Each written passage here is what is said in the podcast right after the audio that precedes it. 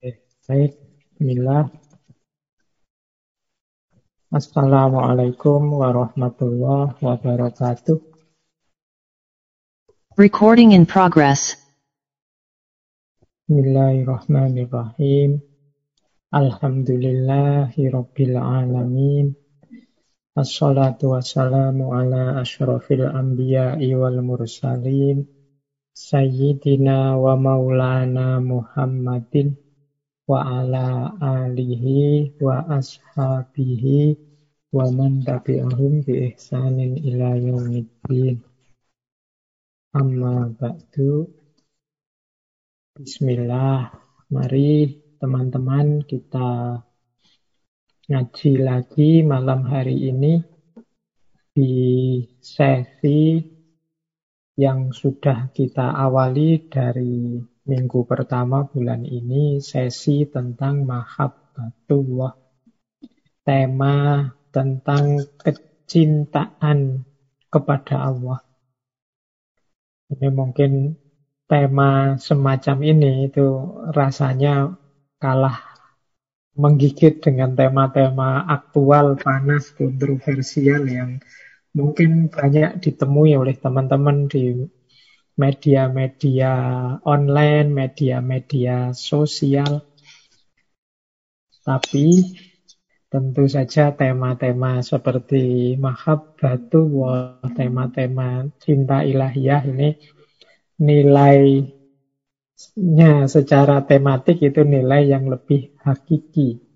Jadi lebih sejati berhubungan dengan eksistensi dasar kita sebagai hamba Allah dan juga sebagai khalifahnya.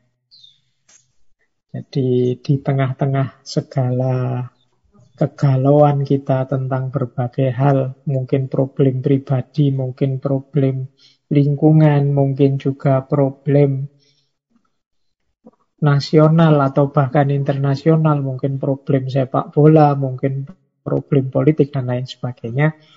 Mari kita tidak lupa untuk membahas juga, untuk mengingat juga tema-tema yang lebih hakiki, lebih esensial untuk hidup kita, termasuk tema mahabbatullah ini. Baik, langsung saja kita belajar malam hari ini kita kembali bersama tokoh yang luar biasa yang seingat saya sudah berkali-kali kita angkat beliau ini. Karena memang gagasan-gagasan beliau luar biasa. Yaitu Hujatul Islam Imam Ghazali. Jadi kalau nama lengkap beliau sebagaimana di sesi-sesi sebelumnya Ya nama lengkap beliau kan Muhammad bin Muhammad bin Muhammad bin Ahmad Abu Hamid Al-Ghazali. Kadang-kadang ditambah-tambahi untuk menegaskan identitas beliau. Misalnya ditambahi An-Naisaburi ditambahi As-Syafi'i, ditambahi Al-Ash'ari, kadang ditambahi juga At-Tusi, dan lain sebagainya. Untuk menunjukkan identitas beliau, kalau As-Syafi'i ya karena memang beliau madhabnya Syafi'i dalam fikih. Kalau dalam kalam beliau Ash'ari. Naisaburi, At-Tusi itu menunjukkan tempat lahir beliau. Baik, saya tidak cerita biografi beliau dan kehebatan-kehebatan beliau sudah sangat sering kita angkat beliau. Langsung saja kita masuk ke tema mahabbatullah. Dari seorang Imam Ghazali, seorang fakih, seorang mutakalim, seorang filosof, dan juga seorang sufi. Nah, untuk malam hari ini kita akan banyak mengambil dari kitab Isya Ulumuddin. Jadi malam hari ini kita semacam ngaji Ihya bab tentang mahabbah. Ini ada di rubuk yang keempat di apa di jilid empat dari kitab Ihya. Bagian-bagian akhir. Nah, malam hari ini kita nukil sedikit wawasan-wawasan beliau tentang mahabbatullah ini. Ya meskipun namanya bab, tapi bab kalau di Ihya itu sudah seperti buku. Jadi jumlahnya ratusan halaman. Makanya banyak orang yang uh, menukil kitabnya Imam Ghazali diterbitkan secara terpisah-pisah Ihya itu. Misalnya Mahabbatullah menurut Imam Ghazali itu sebenarnya hakikatnya yang ngambil saja dari satu bab dalam Ihya. Baik, uh, kita mulai untuk mendalami kembali tentang maksud dan makna dari kecintaan kepada Allah melalui kitab Ihya-nya Imam Ghazali. Bismillah.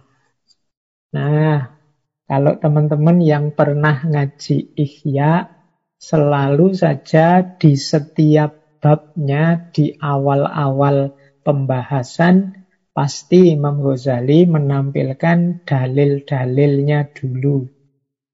Baik dari Al-Quran, maupun dari hadis, maupun asar dan kisah-kisah para sahabat yang relevan dengan tema yang sedang dibahas.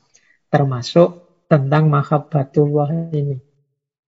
Nah, jadi tema kita malam hari ini dan bulan ini teman-teman tidak usah khawatir. Ada bertaburan ayat, bertaburan hadis kalau kita mau mengangkatnya. Jadi kan banyak itu yang mengkritik ini ngaji filsafat ini mana Qurannya, mana hadisnya kan sering begitu. Jadi seolah-olah kalau tidak disebut ayatnya dan tidak disebut hadisnya itu tidak berhubungan dengan agama. Padahal sangat banyak hal yang Quranik, sangat banyak hal yang Islamik tanpa harus disebut dalilnya. Di tambah dengan dalil yang banyak itu kan kadang-kadang menunjukkan kita belum terlalu mantap. Makanya kita cari dasar dalil. Kalau kita sudah yakin kesesuaiannya kan kita tidak harus capek-capek lagi mencari dalil. Termasuk tentang mahabbatullah ini. Tapi biar tambah mantap, maka dalam ikhya di bagian awal oleh Imam Ghazali ditunjukkan beberapa ayat Al-Quran yang indikasinya dan maksudnya adalah cinta pada Allah atau mahabbatullah. Bahkan di awal-awal Ihya itu oleh Imam Ghazali disebut mahabbah pada Allah atau cinta pada Allah itu sifatnya fardu. Jadi wajib setiap orang berusaha untuk mencintai Allah. Dan itu disimpulkan misalnya dari surat Al-Baqarah ayat 165 yang bunyinya walladzina amanu asyaddu hubbalillah dan orang-orang yang beriman itu sangat cinta kepada Allah. Ini kalau diambil mafhum muafakohnya berarti kalau orang itu beriman kepada Allah salah satu cirinya adalah cinta. Kalau belum cinta berarti imannya belum memuncak. Seperti di tokoh-tokoh kemarin-kemarin kan kita bahas di Ibnu Atta'illah, di Syekh Abdul Qadir Jailani. Bagaimana cinta pada Allah itu jadi indikasi utama dari keimanan. Bahkan di surat At-Taubah ayat 24 yang saya tampilkan di situ juga sangat tegas sekali dinyatakan Allah tidak berkenan kalau kita mencintai apa pun sebelum dia atau mendahulukan apa pun sebelum dia berarti tidak mencintai Allah. Di surat At-Taubah itu ayat 24 Imam Ghazali mencantumkannya yang artinya Kul inkana abaukum wa abnaukum wa ikhwanukum wa azwajukum wa ashiratukum wa amwalun iktaraftumuha wa tijaratun tahsyauna kasadaha wa masakinu tardaunaha ahabbu ilaikum minallahi wa rasuli wa jihadin fi sabili fatarabbasu hatta ya'tiyallahu bi amri.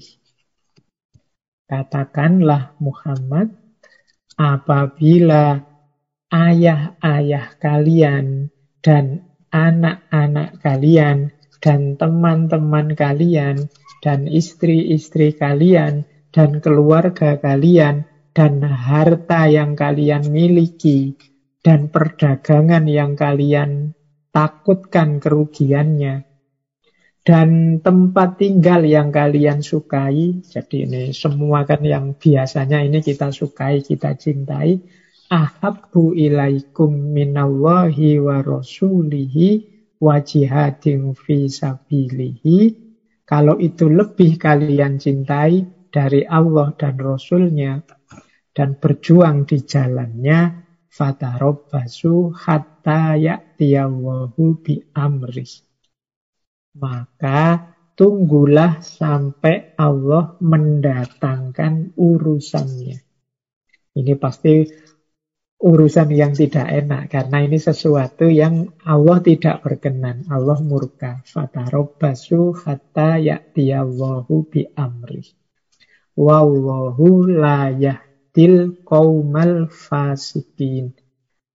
Dan Allah tidak akan memberi hidayah orang-orang yang fasik.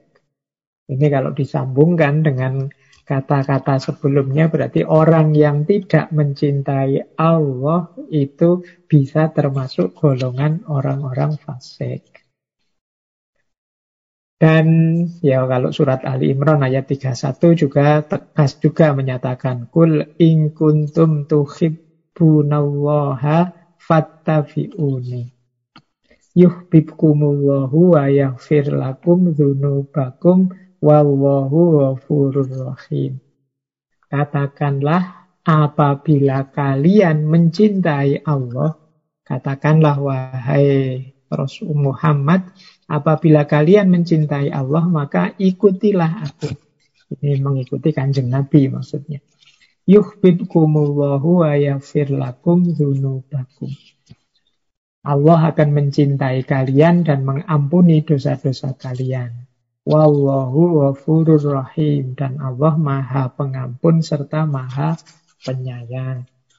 Ini surat Ali Imran ayat 31. Dan juga yang saya ambil ini sebenarnya banyak suratnya cuma kalau kita uh, sampaikan semua nanti kita jadinya ngaji Al-Quran terus malam hari ini. Waktu kita kan terbatas. Innalladzina amanu wa amilus solihati sayaj'alu lahumur rahmanu wudda. Sesungguhnya orang-orang yang beriman dan beramal soleh itu Allah akan menjadikan kepada mereka wudda, rasa cinta, rasa kasih sayang dalam hati mereka. Jadi ini orang itu kalau beriman sungguh-sungguh, beramal baik karena Allah secara sungguh-sungguh, ya akan muncul rasa cinta di hatinya. Ini kalau dipahami, kalau bahasa usul fikih itu mafhum mukhalafahnya, kalau rasanya kok relasi kita dengan Allah itu belum masuk ke babak cinta, mungkin masih kewajiban, masih kebutuhan, dan lain sebagainya, jangan-jangan keimanan dan amal baik kita belum sepenuhnya, belum sungguh-sungguh. Karena janjinya Allah dalam Al-Quran kan orang yang beriman dan beramal soleh, saya ja'alu lahumur rohmanu wudda. Allah akan menjadikan rasa kasih sayang dalam diri mereka. Jadi kok dalam diri kita isinya serba marah terus, serba ngamuk terus, serba tidak tenang, serba tidak nyaman, maunya emosi terus lihat apa saja, jangan-jangan kita kurang serius amanu wa amilus solihatnya. Nah, harusnya orang yang imannya mantap dan dimanifestasikan dengan amal baik yang ikhlas lillahi ta'ala, yang ada dalam dirinya adalah wudda. Jadi rasa sayang yang dalam. Baik, hadis juga banyak. Saya ambilkan satu saja ya, tidak saya baca semua. Teman-teman pastinya yang tertarik bisa dibaca langsung kitab Ihya. Misalnya yang terakhir itu ya, yang mutafak alaih. La minul abdu hatta akunu ahabbu ilaihi min ahlihi wa malihi wa nafsihi wa nasi ajma'i. Jadi tidak beriman seorang hamba sampai Allah dan Rasulullah itu lebih dia cintai dari keluarganya, hartanya, dirinya sendiri dan semua manusia. Ini dari hadis dan ayat-ayat tadi paling tidak semoga kita tambah mantap, tambah yakin betapa mahabbatullah itu unsur yang penting dalam kita beragama. Termasuk salah satu unsur yang esensial. Berarti kita harus menuju ke sini dalam beragama. Jadi menghidupkan jiwa yang penuh cinta. Yang diawali dari kecintaan kepada Allah di atas segalanya. Baik, sekarang kita mulai teman-teman belajar tentang gagasan-gagasan Imam Ghazali tentang mahabbah atau cinta kepada Allah. Imam Ghazali ini yo ilmuwan, yo fakih, yo sufi, yo filosof. Cara beliau membahas mungkin agak berbeda dengan kemarin minggu lalu Syekh Ibnu Athaillah atau sebelumnya Syekh Abdul Qadir Jailani yang lebih ke ceramah-ceramah. Kalau beliau ini lebih sistematis membahasnya. Jadi kalau Imam Ghazali diawali definisinya apa, dalilnya apa, kemudian uh, dasar berpikir asumsi-asumsi awalnya apa, implikasinya apa, itu lebih tertib kalau Imam Ghazali. Makanya kita pelan-pelan ya malam hari ini. Belajarnya biar dapat sesuatu. Nah, diawali dalam Ihya itu Imam Ghazali mendefinisikan cinta dari aspek yang paling elementer dulu, paling dasar dulu. Biasanya orang ngomong cinta itu kan diawali dari bulat dulu. Biasanya ruwet dulu yang tidak bisa didefinisikan lah, yang urusan perasaan lah. Enggak. Kalau Imam Ghazali simple, diawali yang sederhana dulu. Biar kita lebih mudah mengidentifikasi apa itu cinta. Kata Imam Ghazali, al-hubbu ibaratun an mailit tob'i ila syai'il. Kata Imam Ghazali, cinta itu adalah satu ungkapan tentang ketertarikan yang sifatnya alamiah, tobaun. Terhadap sesuatu yang dianggap menyenangkan atau dianggap lezat. Ini kan definisinya elementer sekali. Mudahnya cinta itu ya ketika kita suka sesuatu. Suka itu kan jiwa kita cenderung pada sesuatu itu. Cinta kan selalu diawali dari sini. Jadi sebelum masuk ke yang dalam, yang rumit, yang ruwet, yang dan lain sebagainya dengan segala macam cirinya, hakikatnya itu kan cinta itu kecenderungan jiwa pada sesuatu yang kita anggap menyenangkan, yang kita anggap indah, yang kita anggap uh, bisa membahagiakan kita dan lain sebagainya. Jadi jiwa kita cenderung ke situ. Mailit itu kecenderungan jiwa secara alamiah. Ini mungkin kalau pakai bahasa anak-anak muda hari ini, ini semacam passion. Passion itu kan kecenderungan kita. Jadi kita sukanya ke mana, orientasinya ke mana. inilah akar dan awal dari cinta. Maka nanti ya cinta kepada apa pun ya awalnya ini. Jiwa kita cenderung pada yang kita cintai. Kepada Allah berarti nanti juga begitu. Kalau kehadiran Allah hanya kita posisikan sebagai beban, beban karena wah ini saya harus begini, saya harus begitu. Allah memerintahkan ini, melarang itu, rasanya beban saja. Itu berarti belum mailit tobi. Belum mailit tobi itu jiwa kita belum cenderung ke situ. Kalau boleh ya kita tidak begitu kan. Kalau beban itu kan kalau bisa kita lepaskan kalau boleh. Cuma karena ini agama kan wajib. Akhirnya kan kita terbebani. Berarti apa? Belum nyampe level belum mailut tobi. Jiwa kita belum cenderung ke situ. Maka mudahnya cinta itu ketika jiwa cenderung. Karena kita menganggap di situ ada kelezatan, di situ ada keindahan, di situ ada yang kita inginkan. Ayo, jadi ini definisi awal, biar kita tidak bingung menebak-nebak apa maksudnya cinta. Ya cinta itu yang penting kita suka sesuatu. Plus syarat dan ketentuan berlaku. Nanti di belakang ditambahi syarat-syaratnya. Tapi awalnya ini dulu. Kesukaan, kecenderungan kita pada sesuatu. Nah, lanjut. Yang kedua, rasa suka pada sesuatu tadi tadi ini sama seperti minggu lalu Syekh Abdul Qadir Jailani atau Syekh Ibnu Atta'illah Asakan dari cinta itu anugerah. Kita akan juga sering uh, menggunakan kalimat cinta itu anugerah sesuatu yang tidak bisa ditolak. Di banyak filosof seperti dulu kita belajar Kahlil Gibran misalnya itu kan juga ditegaskan sisi anugerah dari cinta bahwa kalau cinta memanggilmu ikutilah karena orang sulit untuk mengingkari panggilan dan kecenderungan jiwanya terhadap sesuatu.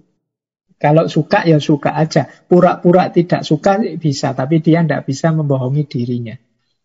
Dia anugerah yang tidak bisa ditolak. Maka kata Imam Ghazali, Cinta itu innal inna hubbal kolbi lil muhsini ittiroron la yustato'u daf'uhu. Sesungguhnya rasa cinta dalam hati lil muhsini yang dimiliki oleh orang yang baik itu adalah sesuatu yang sifatnya ittiror, sesuatu yang pasti la yustato uhu tidak bisa ditolak. Wahua jublatun wa fitrotun. Dan itu merupakan watak dan naluri. La sabila ila. Yang tidak ada jalan untuk mengubahnya.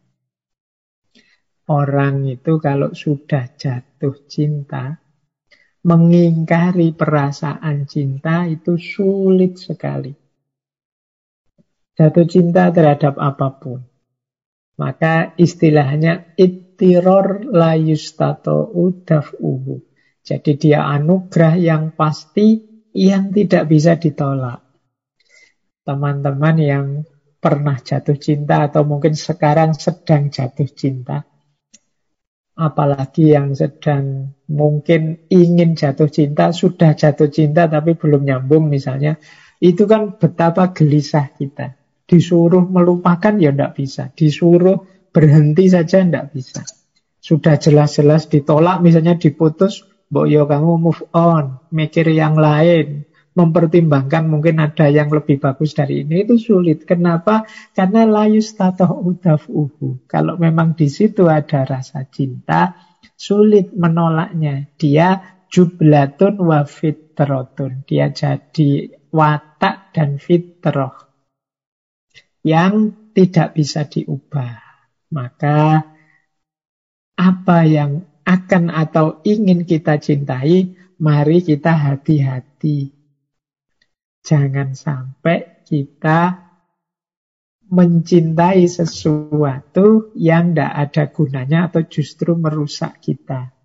Mari kita berusaha untuk mencintai hal-hal yang memang layak dan patut kita cintai. Kenapa? Karena kalau sudah masuk rasa cinta itu sulit sekali kita menolaknya. Ya mungkin lama-lama bisa melupakan, tapi rasa itu biasanya selalu saja masih ada sisanya. Kadang-kadang kan orang aku kok tidak bisa ya melupakan dia, ya sulit memang dilupakan. Karena jangankan dilupakan, wong yo ya rasanya saja masih hidup dalam diri kita. Kalau itu memang jenisnya cinta. Baik, jadi ini lanjutan dari tadi ya, dari teori tentang bahwa cinta itu rasa suka. Cuma dia tidak sembarang rasa suka, kecenderungan jiwa. Dia kecenderungan jiwa yang tidak bisa ditolak, sulit sekali diingkari. Dia bagian dari fitrah atau sunnatullah. Baik. Hmm. Nah, sekarang kita lihat relasi. Jadi setelah menjelaskan tentang definisi cinta dan cirinya, Imam Ghazali menunjukkan hal-hal apa saja sih yang memungkinkan tumbuhnya rasa cinta kita kepada sesuatu. Menurut Imam Ghazali, kita dalam hidup ini senantiasa berhadapan dengan tiga hal. Yang pertama, hal-hal yang cocok dengan tabiat kita, sehingga kita suka. Yang kedua, hal-hal yang tidak cocok dengan tabiat kita, sehingga kita benci atau tidak suka, ingin menjauh. Dan yang ketiga hal-hal yang netral saja. Biasa saja, tidak ada bekasnya. Apakah kita suka atau tidak suka. Nah, kita hidup ini selalu main dengan tiga makna ini. Apakah kita menyukainya, tidak menyukainya, atau biasa saja. Nah, ini penting ya kalau kita muhasabah mungkin relasi kita dengan apa pun coba kita rumuskan. Kita dengan orang tua, kita dengan teman yang ini, kita dengan lingkungan kita, itu paling tidak di tiga hal ini ya. Apakah kita suka pada sesuatu atau seseorang itu, ataukah tidak suka, ataukah biasa saja.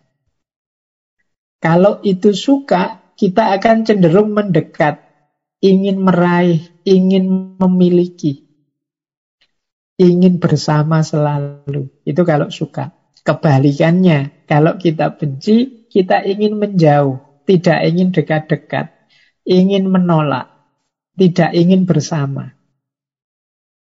Nah, kalau yang ketiga, yang tidak ada efeknya, yang biasa saja, yo, kita tidak terlalu memikirkannya. Biasanya yo kalau ada yang tidak apa-apa, tidak ada ya silahkan saja. Itu level tiga.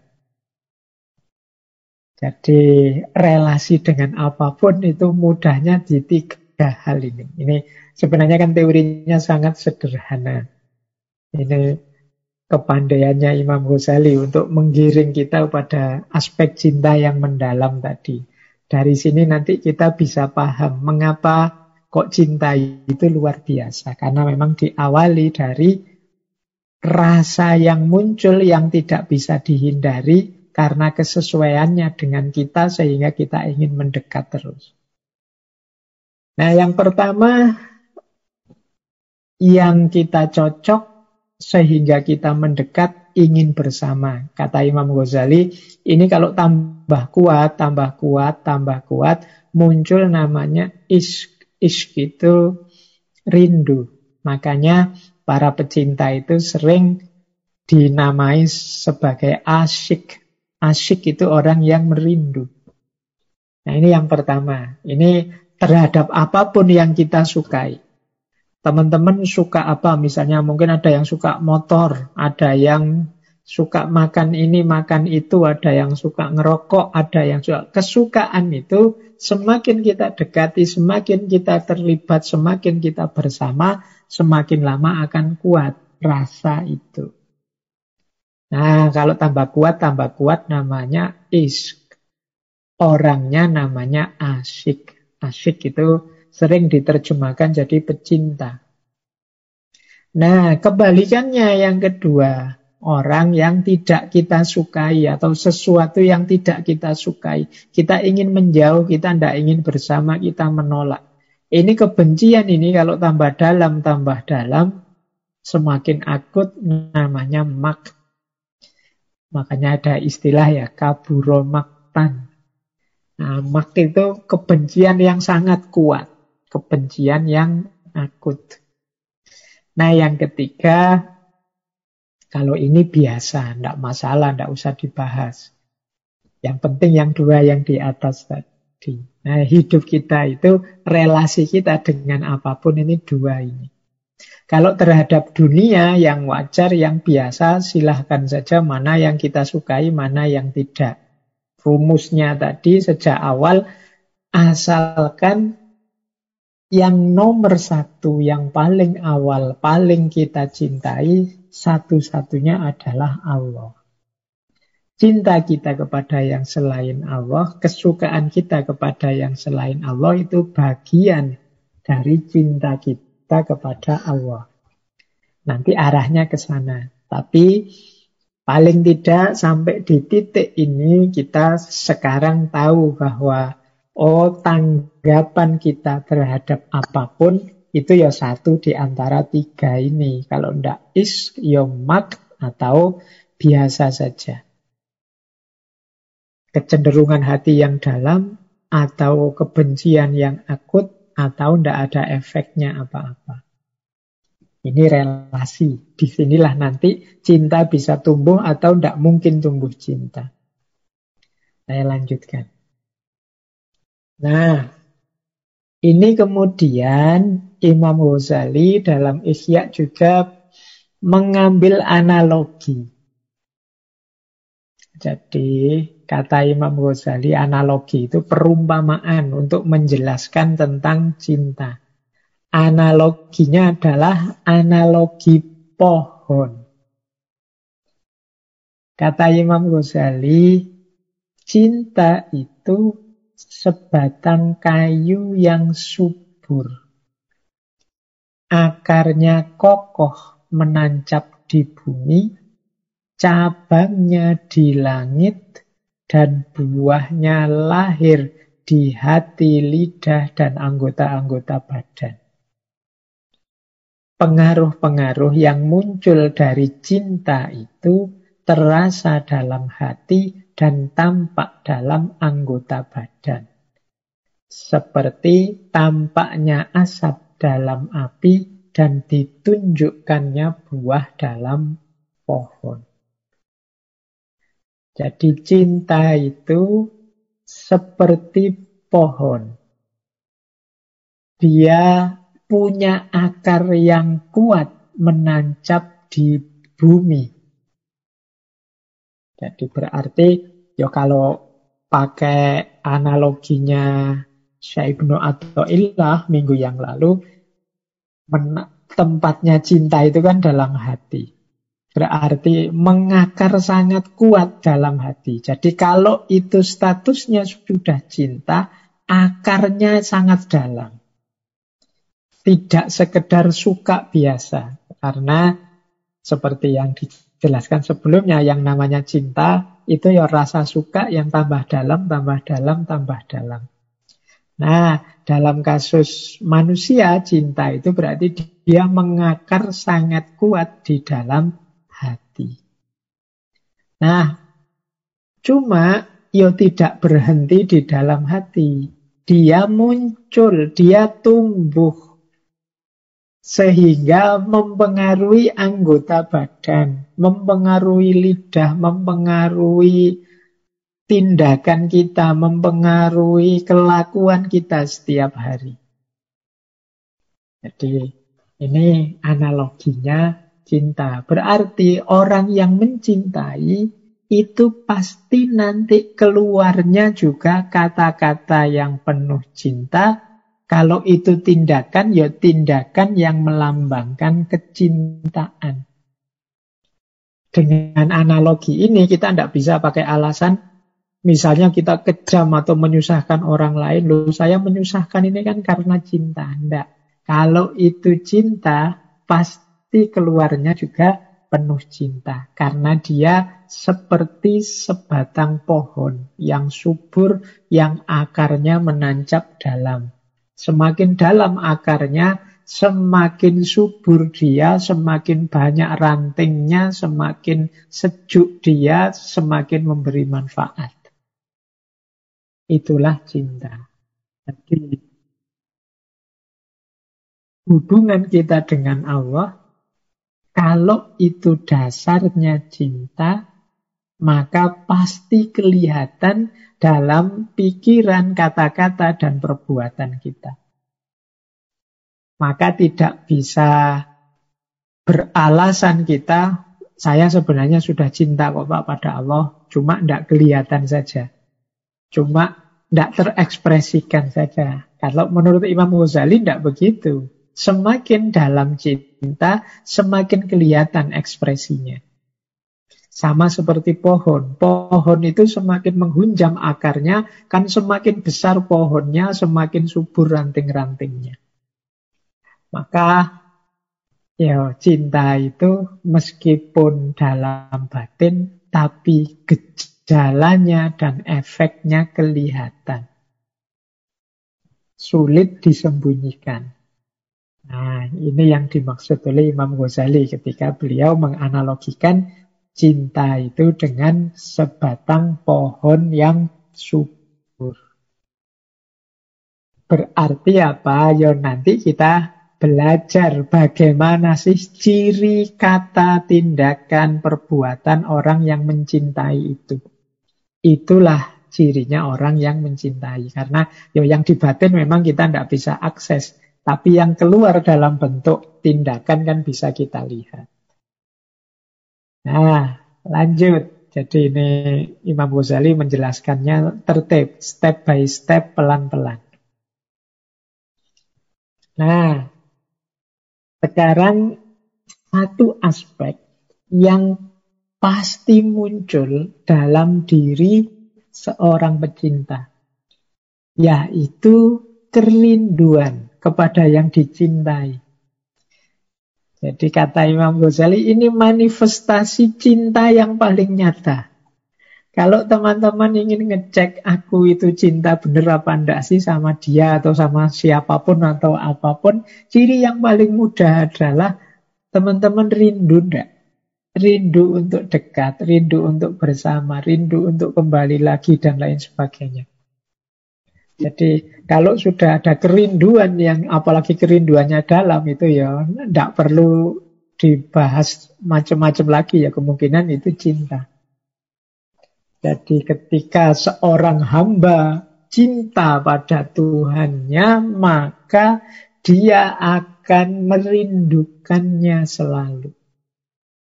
Jadi yang paling dia nantikan adalah kapan aku bersama dengannya. Inilah cinta ilahiyah. Cinta yang ingin ketemu terus, ingin bersama terus. Itulah tadi yang disebut isk.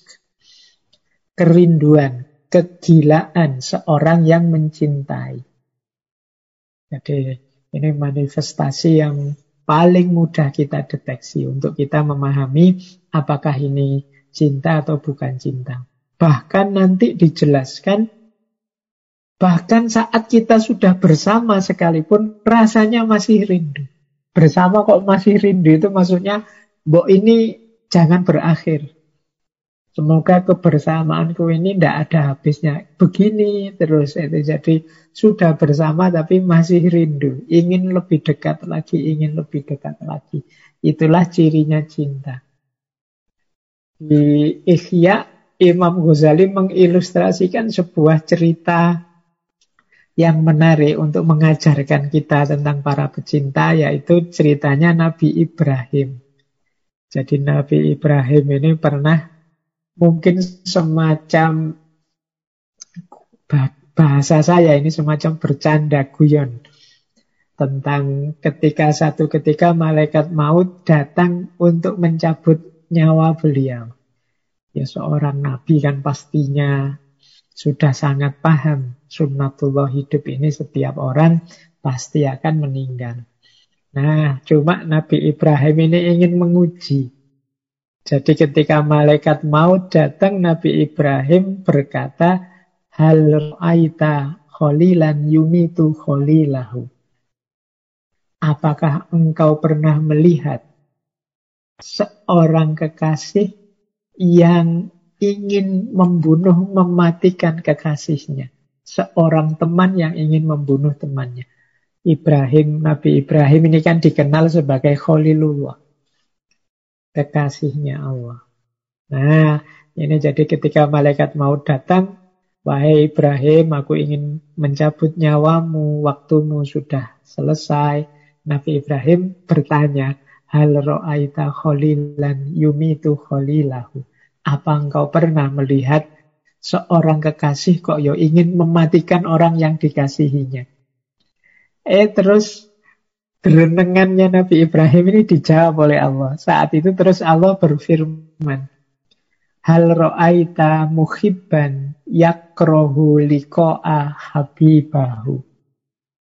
Firmannya Allah, Adakah engkau menjumpai orang yang mengaku mencintai tetapi enggan bertemu dengan kekasihnya? Eh, yang mendapat jawaban ini sudah Nabi Ibrahim tidak bisa ngomong lagi karena beliau tidak bisa mengingkari betapa beliau sangat cinta kepada Allah. Yang ini kisah ini hakikatnya untuk mengajarkan kita bahwa kalau kita mencintai Allah, tentunya kita ingin senantiasa bersama dengan Allah. Ya setelah dijawab oleh Allah begitu pada Nabi Ibrahim, ya Nabi.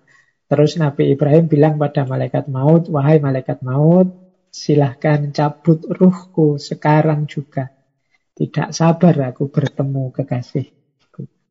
Jadi Ciri utama, manifestasi utama dari cinta menurut Imam Ghazali adalah kerinduan untuk senantiasa bersama dan tidak tahan kalau jauh, ingin selalu berjumpa.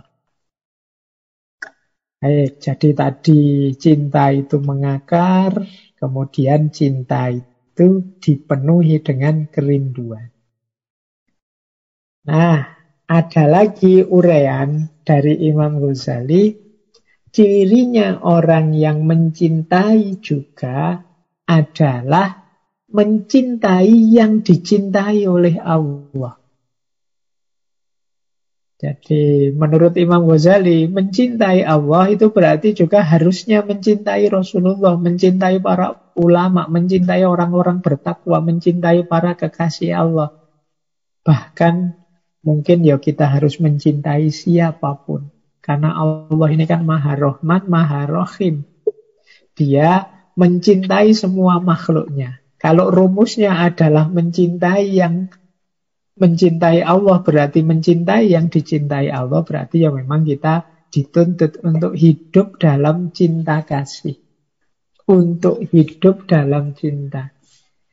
Itulah mengapa mungkin belakangan kita sering dengar mari kita hidupkan Islam yang rahmatan lil alamin.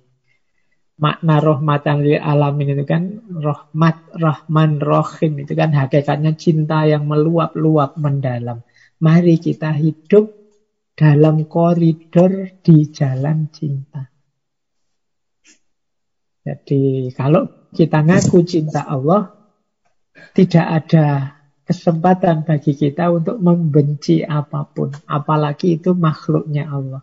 Karena Allah sangat mencintai semua ciptaannya. Rumusnya menurut Imam Ghazali, mengapa sih kok harus begitu? Li'anna mahbubal mahbubi mahbubun. Karena yang dicintai orang yang kita cintai itu juga kita cintai. Ya kalau kita cinta pada misalnya istri suami kita itu kan kita juga mencintai keluarganya, mencintai orang tuanya, mencintai anak-anaknya dan lain sebagainya. Li anna mahbubal mahbubi mahbubun. Wa rasulal mahbubi mahbubun. Dan utusan dari yang kita cintai, ya kita cintai juga. Ini maksudnya Rasulullah. Jadi jangan ngaku cinta pada Allah kalau kita tidak cinta pada Rasulullah. Wa muhibbul mahbubi mahbubun. Bahkan orang-orang yang juga sayang mencintai, yang kita cintai, itu juga kita cintai. Jadi utusannya juga kita cintai, orang-orang yang mencintainya, dan yang dia cintai juga semuanya kita cintai. Kalimat mahbubnya banyak sekali. Dari cinta ke cinta. Li'anna mahbubal mahbubi mahbubun. Wa rasulal mahbubi mahbubun. Wa muhibbul mahbubi mahbubun. Jadi yang dicintai oleh yang kita cintai itu harusnya juga kita cintai. Utusan yang kita cintai bukankah juga harus kita cintai? Dan orang-orang yang mencintai yang kita cintai itu pun juga kita cintai. Berarti ya memang Islam itu agama yang penuh cinta. Dari cinta ke cinta. Yang puncaknya, porosnya satu-satunya ya cinta kepada Allah. Baik, kita lanjutkan. Ini dasar-dasarnya dari kitab Ihya. Nah, sekarang kita mulai agak filosofis. Diawali dari bahasannya Imam Ghazali tentang awal mulanya cinta.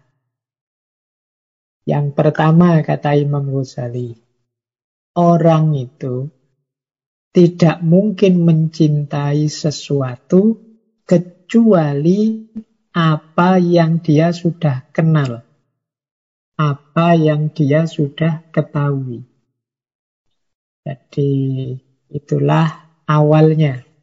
Jadi orang tidak mungkin mencintai tanpa tahu. Ya kalau pepatahnya tak kenal maka tak sayang. Ya bagaimana bisa sayang kalau tidak kenal? Kalau tidak mengerti. Nah, lanjut. Asumsi kedua, tapi kenal tidak sembarang kenal. Kenal yang dimaksud adalah kenal yang berkenaan dengan keindahannya atau kenikmatannya. Sebagaimana kenalnya telinga kalau ada lagu-lagu yang merdu, atau kenalnya hidung pada bebauan yang harum, atau kenalnya mata pada lingkungan alam yang indah. Jadi awal lahirnya cinta itu kenal tapi bukan kenal sembarang kenal. Yang dimaksud adalah kenal yang pada sisi keindahannya. Kenal pada aspek kenikmatannya. Jadi, ya kalau orang kenalnya jelek-jelek kita, mungkin musuh kita, itu kan kenal pada kita.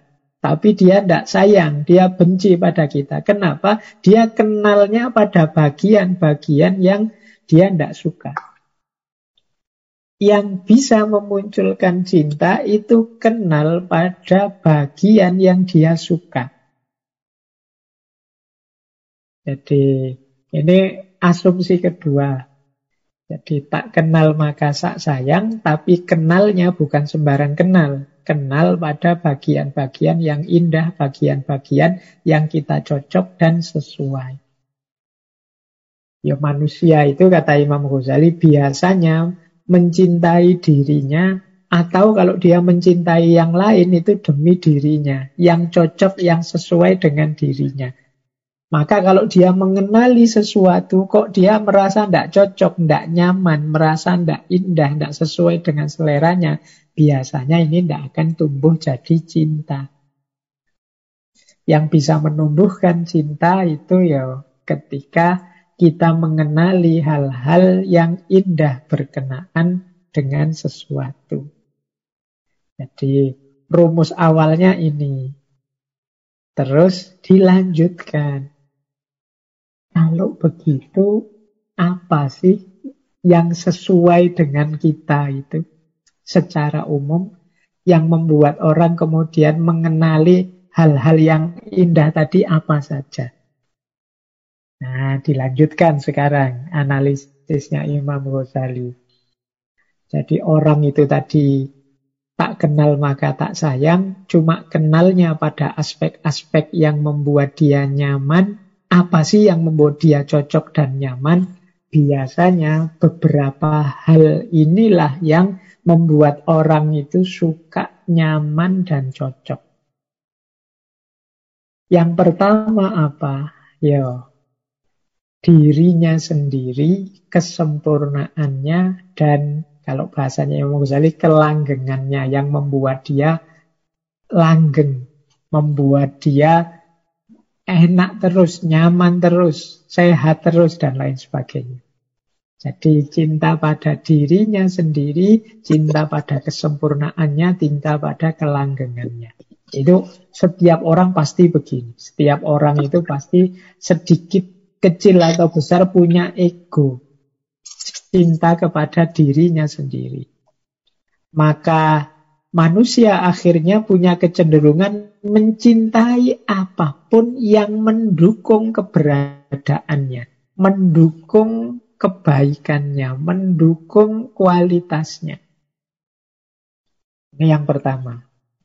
Nah, menurut Imam Ghazali, kalau memang hal yang pertama ini mampu menumbuhkan rasa cinta, jadi kalau kita mencintai apa saja yang mendukung keberadaan kita di muka bumi ini, menurut Imam Ghazali, bukankah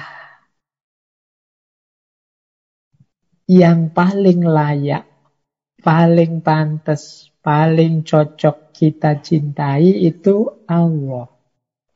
Bukankah Allah yang membuat kita ada, membuat kita berada, membuat kita mengada dengan segala kedirian kita saat ini. Bukankah Allah yang menyempurnakan karakter kita, yang membuat kita jadi manusia yang penuh kemuliaan, yang memberi kita kesehatan, yang memberi kita anak cucu sehingga kita mengalami kelanggengan. Cita-cita kita berlanjut. Loh itu semuanya kan Allah. Jadi kalau memang yang pertama ini yang membuat kita mencintai sesuatu atau seseorang, bukankah yang paling layak, paling pantas kita cintai Allah? Karena Allah lah yang menghadirkan kita. Hanya saja kita sering tidak panjang, tidak tuntas berpikirnya. Sehingga kita tertipu oleh yang mendukung diri kita, mendukung keberadaan kita yang sifatnya juga sementara dan masih perlu didukung juga. Kita lupa bahwa ada yang puncak yaitu Allah yang harusnya lebih kita cintai karena keberadaan kita adalah atas izinnya Allah. Nah, rumus yang pertama ini. Jadi orang itu mencintai karena dia cinta dirinya sendiri. Nah, yang membuat diri kita sendiri ada itu kan Allah. Berarti apa? Yo harusnya kita cinta dong pada Allah. Yang kedua, biasanya orang juga mencintai orang lain yang juga memberikan cinta kepadanya. Ini ciri kedua. Yang ini membantu keberlangsungannya, menolak kebinasaannya. Jadi orang-orang yang mencintai kita, sayang pada kita, itu kan biasanya terus kita juga tergerak untuk menyayanginya. Jadi, kalau kita punya teman yang tulus atau punya sahabat yang sering membantu atau punya saudara yang ikhlas menolong kita dalam banyak hal, kita punya orang tua yang mengorbankan apa pun pada kita. Itu kan mau tidak mau batin kita terdorong untuk mencintai mereka semua. Kalau kita tidak mencintai mereka, kadang kita dimarahi oleh orang kamu tidak manusiawi. Padahal kalau kita berpikir lebih mendalam, kata Imam Ghazali, siapa yang lebih mencintai kita selain Allah? Siapa yang lebih memberikan aneka fasilitas bantuan, pertolongan selain Allah? Yang lebih dari Allah. Berarti apa? Kalau menggunakan rumus yang kedua ini, ya lagi-lagi yang pantas dan layak kita cintai ya hanya Allah sebenarnya. Yang nomor satu harus kita dahulukan kita cintai itu ya harusnya hanya Allah. Jadi ini alasan kedua orang biasanya mencintai. Alasan pertama dirinya sendiri, alasan kedua orang lain yang mencintainya. Maka dia tergerak untuk mencintai. Kita sering lupa bahwa Loh, ada yang sangat mencintai kita, yang memberikan segalanya untuk kita, memberi aneka fasilitas untuk kita, tapi kita lupa untuk mencintai balik. Kalau kita tidak membalas cinta orang-orang sekeliling kita, orang menyebut kita tidak manusiawi. Padahal kita lupa untuk mencintai Allah. Baik, yang kedua itu alasannya. Jadi ini alasan orang mencintai tadi oleh Imam Ghazali langsung ditarik ke ranah cinta kepada Allah. Yang ketiga, kita itu sering mencintai orang baik. Meskipun dia tidak baik kepada kita saja, tapi orang ini memang orang baik. Dia baik kepada siapa pun. Misalnya saya cinta Pak kepada tokoh ini karena dia jasanya besar untuk bangsa kita. Saya cinta kepada pahlawan yang itu dia mengorbankan hidupnya untuk Indonesia ini. Misalnya kita akan cinta, suka kepada orang-orang tulus, orang-orang yang mau berkorban, orang-orang yang menyebar kebaikan ke mana-mana. Meskipun tidak langsung kena kebaikan itu pada kita. Intinya kita cinta orang baik. Nah, tapi kata Imam Ghazali kita sering lupa untuk mencintai Allah. Padahal Allah itu maha baik kepada siapa saja. Allah itu Rahman Rahim. Kasih sayangnya tidak terbatas. Jadi kita senang, kita cinta pada orang-orang baik, tapi kita lupa pada yang maha baik hubungan kita dengan Allah masih belum ada di level mencintai. Nah ini menurut Imam Ghazali ya penting untuk kita prihatinkan. Bagaimana kita bisa ngaku manusia yang baik, hamba yang baik, wong kita belum bisa mencintai Allah. Harusnya kalau kita kagum kemudian cinta pada orang-orang baik, harusnya kita kita juga mencintai Allah, zat yang maha baik. Nah, yang keempat, ini alasan-alasan orang mencintai. Kita biasanya juga cinta pada segala sesuatu sesuai kualifikasinya. Biasanya kita, Pak, saya suka yang indah-indah, Pak. Saya suka yang cantik-cantik, Pak. Saya suka yang gagah-gagah Pak, yang perkasa Pak. Saya suka yang sabar Pak. Saya suka. Ini kan kesukaan kita pada sesuatu sesuai karakternya, sesuai sifat-sifatnya. Tapi kita sering berhenti hanya pada keindahan, kecantikan, kegagahan duniawi. Kita cinta pada keindahan, tapi sering lupa untuk mencintai yang maha indah. Kita cinta pada kegagahan, keperkasaan, tapi sering lupa untuk mencintai yang maha perkasa. Kita sering kagum dan cinta pada orang-orang pinter, para ulama yang ilmunya mendalam, tapi sering lupa untuk mencintai Allah yang maha alim, yang maha tahu segalanya.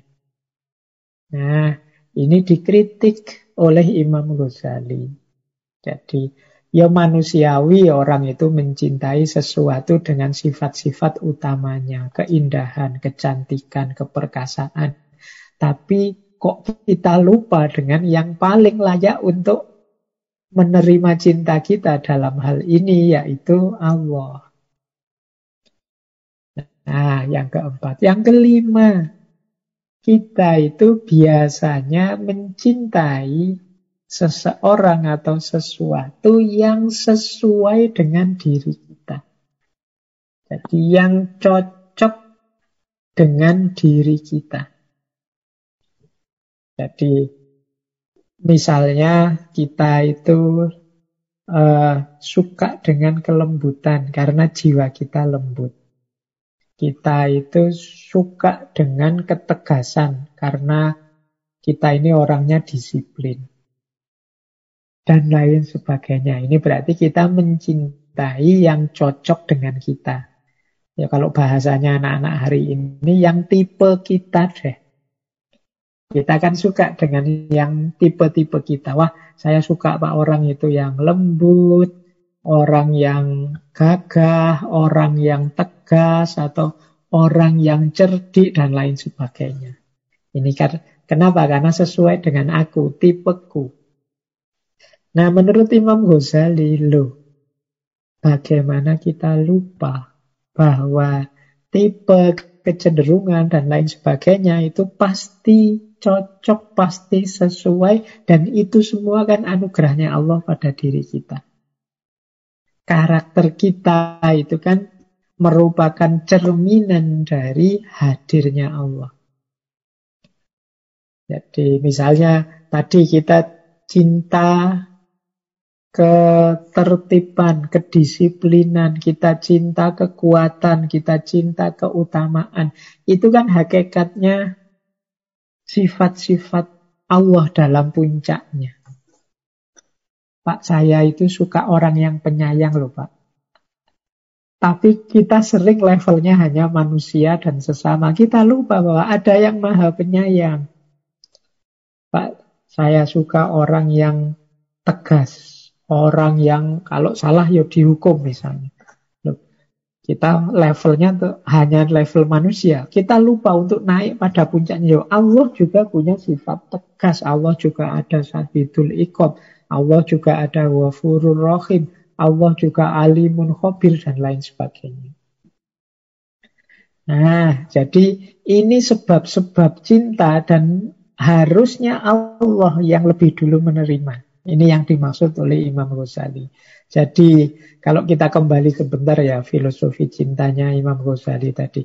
Cinta itu diawali dari pengetahuan, pengenalan yang tadi tak kenal maka tak sayang. Tapi ya tidak sembarang pengenalan. Kenal yang sifatnya keindahan, yang sifatnya membuat kita nyaman, cocok, suka. Nah, yang membuat kita nyaman, cocok, suka itu paling tidak lima hal ini. Yang pertama, mendukung diri kita. Yang kedua, yang mencintai kita. Yang ketiga, orang-orang yang menurut kita baik. Yang keempat, karena sifat-sifat tertentu yang menurut kita bagus, cocok, sesuai, misalnya keindahan, kecantikan, dan yang kelima, yang sesuai dengan diri kita. Ternyata menurut Imam Ghazali, kalau kita jeli, semua sebab-sebab cinta itu harusnya membawa kita kepada Allah. Jadi yang paling puncak dari semua alasan ini harusnya kita bertemu pada Allah. Ya misalnya tadi, kalau kita mencintai keindahan, harusnya kita mencintai Allah yang maha indah, Kalau kita mencintai orang baik, harusnya kita mencintai Allah yang maha baik. Kalau kita mencintai orang yang mendukung kita, mencintai kita, siapa yang lebih mendukung dan mencintai kita selain Allah? Jadi inilah cara berpikir logika mahabbatullah yang dikembangkan oleh Imam Ghazali. Baik, kita lanjutkan. Nah, sekarang aspek-aspek yang menguatkan mahabbah. Kalau ini sudah mulai suluk, kalau tadi filosofinya. Kalau ini apa sih yang harus kita lakukan untuk memperkuat mahabbatullah, memperkuat cinta kita kepada Allah. Yang pertama, ini mirip seperti tokoh-tokoh sebelumnya. Karena mungkin memang ini kuncinya ya, kuncinya mahabbah. Yaitu memutus keterikatan duniawi dan mengeluarkan kecintaan selain Allah dari dalam kalbu. Jadi Mari kalau bahasanya saya Ibnu Athaillah dan saya Abdul Qadir Jailani dua minggu yang lalu ini kan mari bersuhud. Bersuhud itu meminimalkan unsur-unsur duniawi dalam diri kita. Alhamdulillah kalau bisa kita bersihkan sama sekali. Jadi ya dunia kita ambil, kita manfaatkan tanpa harus kita masukkan dalam hati. Yang kita masukkan dalam hati Allah saja. Mengapa tidak dua-duanya, Pak? Kata Imam Ghazali mengutip surat Al-Ahzab ayat 4. Maja'alallahu li rojulim min fi jaufi. Allah tidak menjadikan bagi seseorang dua hati dalam rongga hatinya. Jadi hati kita itu ya satu. Kalau sudah diisi oleh dunia, Allah tidak kebagian tempat.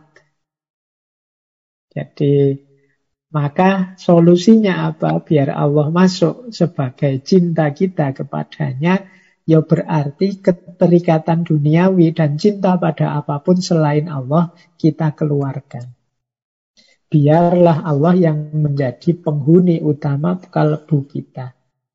Kata Imam Ghazali, sesungguhnya kalbu itu seperti bejana, seperti satu wadah yang tidak bisa menerima cuka sebelum air yang ada di dalamnya dikeluarkan. Ya kalau wadah itu sudah penuh, ya dia tidak bisa diisi lagi. Maka kalau batin kita, hati kita sibuk sibuknya dengan yang selain Allah, ya pada akhirnya Allah tidak kebagian tempat. Maka perlu seperti nasihatnya Syekh Abdul Qadir Jailani, seperti nasihatnya Syekh Ibnu Ilah As-Sakandari, bagaimana kita menjalani lagu zuhud, melatih hati kita, melatih batin kita, diri kita untuk tidak terikat dan tidak jatuh cinta dengan dunia. Jatuh cintanya pada Allah saja. Ini yang akan menguatkan mahabbah kita. Pak, kalau begitu dunia tidak kita urusi, ya tetap kita urusi. Tanpa harus kita ikat tanpa harus menjadi ketergantungan kita. Ini rumus pokoknya ini, teman-teman. Makanya para sufi itu sebenarnya perjuangan utamanya ya ini. Kalau bahasanya tasawuf kan setiap upaya untuk suluk itu selalu diawali dari takholi. Takholi itu membersihkan batin, membersihkan hati kita dari hal-hal yang duniawi yang tidak relevan dengan kecintaan kita kepada Allah.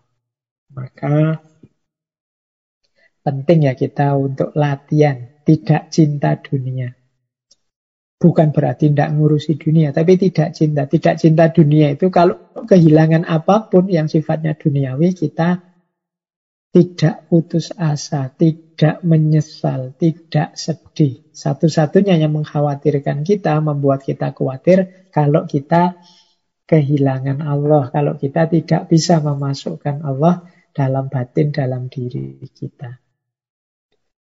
Baik, jadi yang pertama itu ya, keterikatan duniawi akan menguatkan cinta kita pada Allah. Kalau kita bisa memutus keterikatan duniawi, lebih mudah kita mencintai Allah.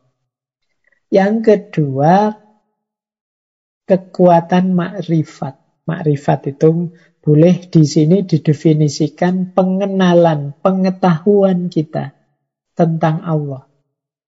Semakin kita tahu, semakin kita kenal, semakin kita dekat dengan Allah, pasti semakin kuat cinta kita kepadanya.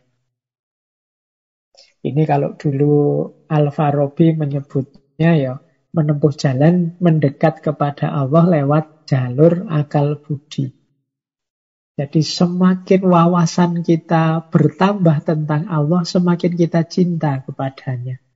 Semakin kita saksikan betapa Allah itu maha kuasa. Betapa Allah itu maha penyayang. Ada fenomena apa pun kita sambungkan dengan Allah sehingga kita semakin mengenal tentang Allah. Ini akan membuat cinta kita kepada Allah bertambah terus. Jadi semakin kuat. Jadi penting aspek pengetahuan tentang Allah, aspek makrifat kepada Allah. Jadi semakin orang kenal, semakin orang mencintai. Kalau tadi tak kenal maka tak sayang, berarti semakin mengenal akan semakin sayang.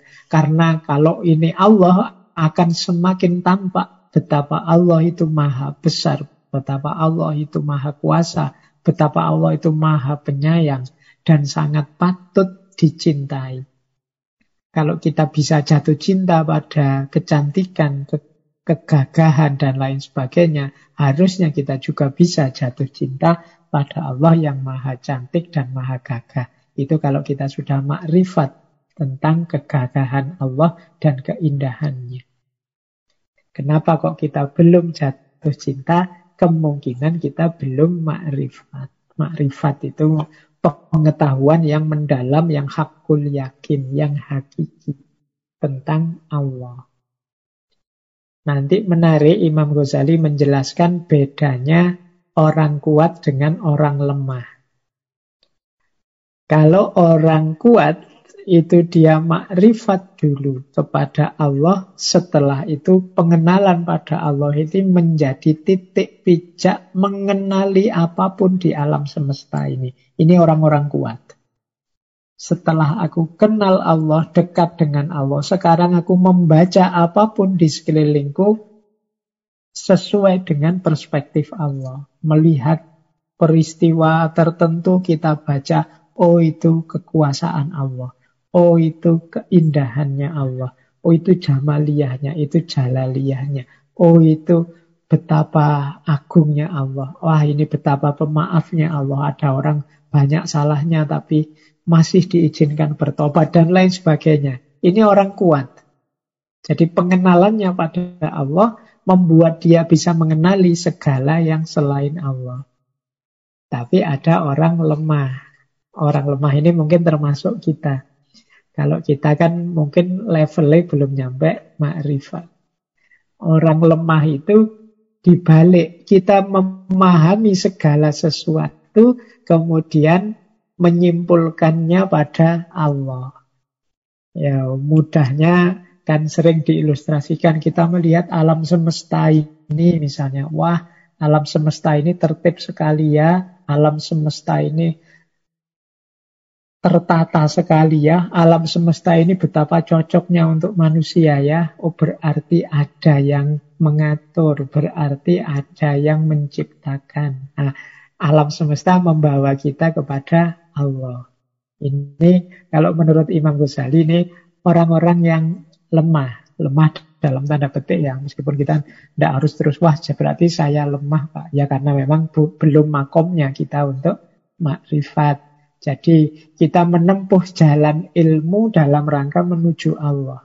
Kalau orang-orang makrifat kan dia sudah kenal Allah kemudian pengenalan atas Allah itu dipakai untuk mengenali, memahami dan membereskan kehidupan di alam semesta ini.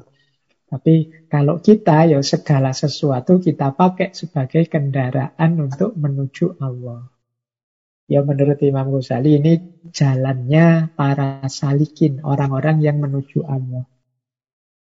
Dan rumusnya tiga kata Imam Ghazali. Tadabur, tafakur, dan iktibar. Tadabur itu berpikir empiris, melihat alam semesta kenyataan di sekeliling. Tafakur itu berpikir rasional. Iktibar itu mengambil hikmah, mengambil pelajaran.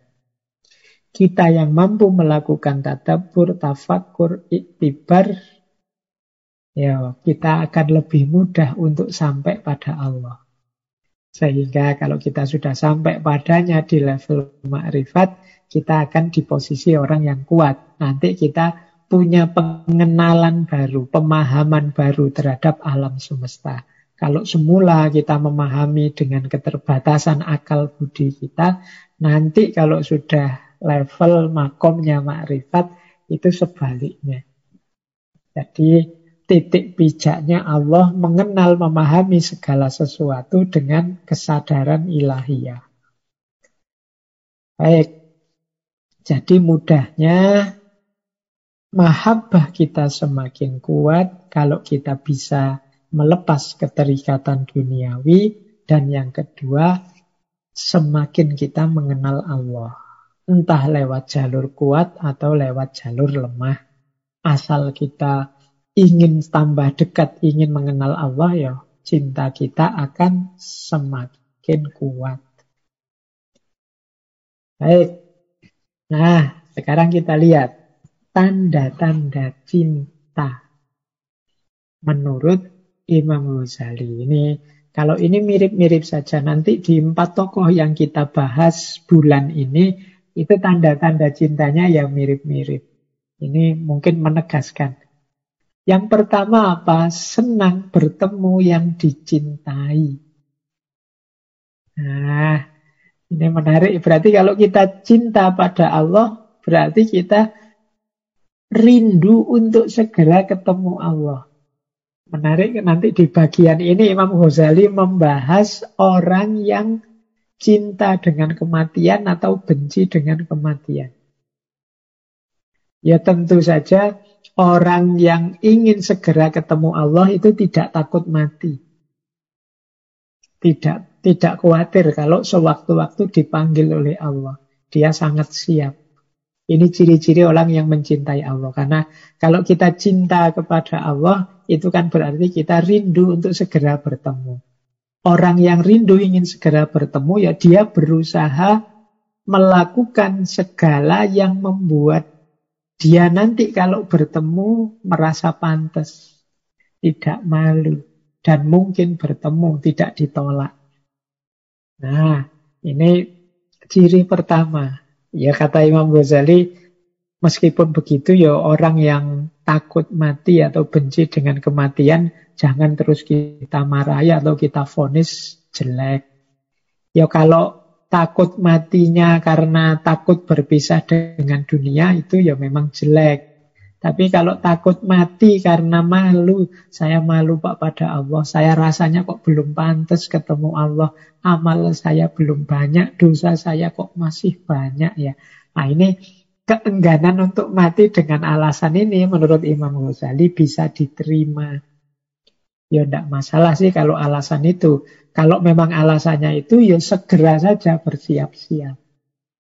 Untuk bertemu dengannya sehingga kita pantas bertemu dengannya.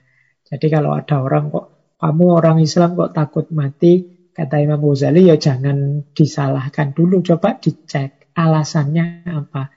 Kalau takut mati itu karena takut nanti hartanya ditinggal atau takut kenikmatan-kenikmatannya ditinggal, ya ini negatif berarti memang harus tobat kalau kayak gini. Tapi kalau takut matinya karena Saya masih malu, Pak. Saya masih merasa belum pantas. Ah, ini positif. Karena dengan itu kan, ayo sekarang segera siap-siap. Biar nanti kalau ketemu Allah, tidak malu. Jadi memang cirinya orang mencintai itu senang ketemu yang dicintai. Yo, kita kan juga begitu. Misalnya kita punya kekasih, punya pacar misalnya. Kan kadang-kadang kita merasa, wah saya sekarang sedang jerawatnya sedang banyak-banyaknya ya saya malu untuk bertemu kan ada yang begitu. Jadi kadang-kadang tidak ingin bertemu bukan berarti tidak cinta, tapi ada kalanya malu dan merasa tidak pantas untuk bertemu karena kondisi tertentu atau alasan tertentu. Ciri yang kedua, orang yang mencintai itu banyak menyebut yang dicintai atau berhubungan dengan atau yang berhubungan dengan yang dicintai. Jadi orang yang cinta pada sesuatu atau seseorang itu biasanya sering menyebut namanya atau hal-hal yang berhubungan dengan yang dicintai. Nah, ini ciri-cirinya sudah. Nama yang sering disebut itu biasanya yang dicintai, paling dicintai atau sebaliknya paling dibenci. Orang yang paling kita benci itu kan yang kadang-kadang juga sibuk terus di kepala kita. Jadi ada dua hal. Kalau orang sering sibuk di pikiran kita itu biasanya yang paling kita cintai atau paling kita benci.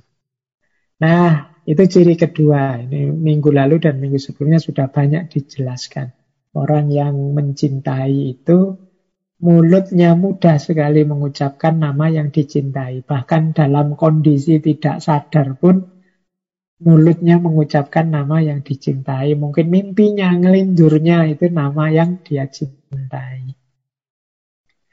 Eh, Makanya teman-teman hati-hati kalau mencintai diam-diam itu kalau pakai bahasanya psikoanalisis itu tidak mungkin tetap kita sembunyikan. Mungkin saat kita guyon-guyon keceplosannya ya nama yang kita cintai. Saat kita lepas ngomong itu nama yang kita cintai. Saat tidur mimpi ya nama yang kita cintai. Karena memang tandanya orang cinta itu banyak menyebut nama yang dicintai atau yang berhubungan dengan yang dicintai. Ciri yang ketiga, suka berdua dengan yang dicintai. Ya kalau Allah ya berdua namanya bermunajat. Seneng kalau ada kesempatan berdua saja. Ini tanda-tanda berarti memang sudah cinta. Kalau kita tidak cinta kan tidak nyaman kalau berdua saja.